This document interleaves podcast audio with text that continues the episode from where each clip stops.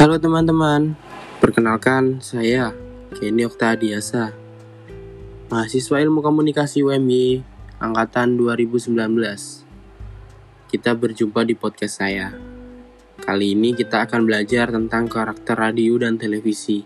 Apa itu karakter radio dan televisi? Mari kita bahas. Yang pertama, radio. Radio lebih banyak dipahami sebagai media komunikasi massa atau media massa yang berisi pesan yang bersifat terbuka dan menyentuh halayak yang luas atau massa. Radio bisa disebut sebagai media dengar atau media auditif. Sebagai media penyiaran, radio serumpun dengan televisi.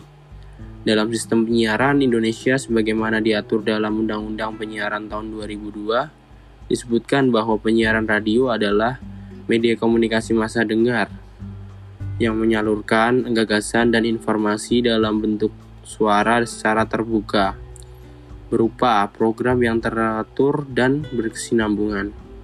Radio merupakan media publik yang bersifat auditif karena hanya bisa didengar.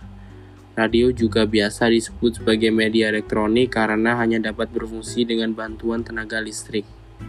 Radio sebagai media penyiaran merupakan jenis media masa ketiga yang lahir di dunia setelah pers dan film. Secara teknis, Awal perkembangan radio dimulai ketika Heinrich Hertz berhasil mengirim dan menerima gelombang radio pada tahun 1887. Marconi menciptakan wireless telegraph yang menggunakan gelombang radio untuk membawa pesan dalam bentuk kode Morse. Gelombang radio itulah yang disebut sebagai media perantara atau saluran komunikasi dalam bentuk bunyi atau audio sehingga hanya dapat ditangkap oleh telinga. Gelombang radio atau secara singkat disebut radio hadir sebagai media komunikasi yang berbentuk siaran berbagai pesan yang bersifat auditif. Yang kedua yaitu televisi. Televisi adalah media siaran yang serumpun dengan radio. Jika radio hanya mampu menyalurkan suara, Televisi mampu menyalurkan suara dan gambar. Televisi berasal dari perkataan Inggris television yang artinya tampak dari jauh. Televisi berkembang sebagai media massa karena suara dan gambarnya yang disiarkan itu menyentuh halayak yang banyak atau massa, serta bersifat terbuka.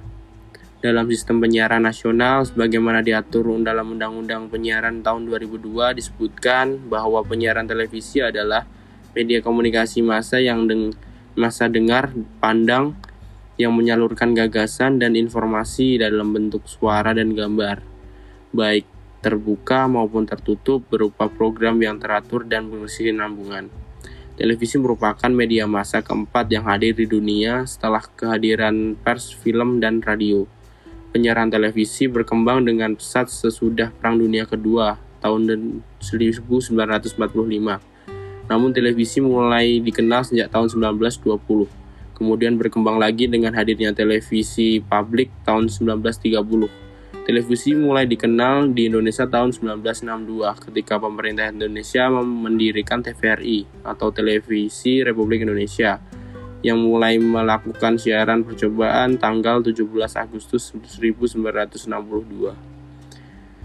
Sekian podcast dari saya. Bila ada kurangnya saya mohon maaf. Terima kasih.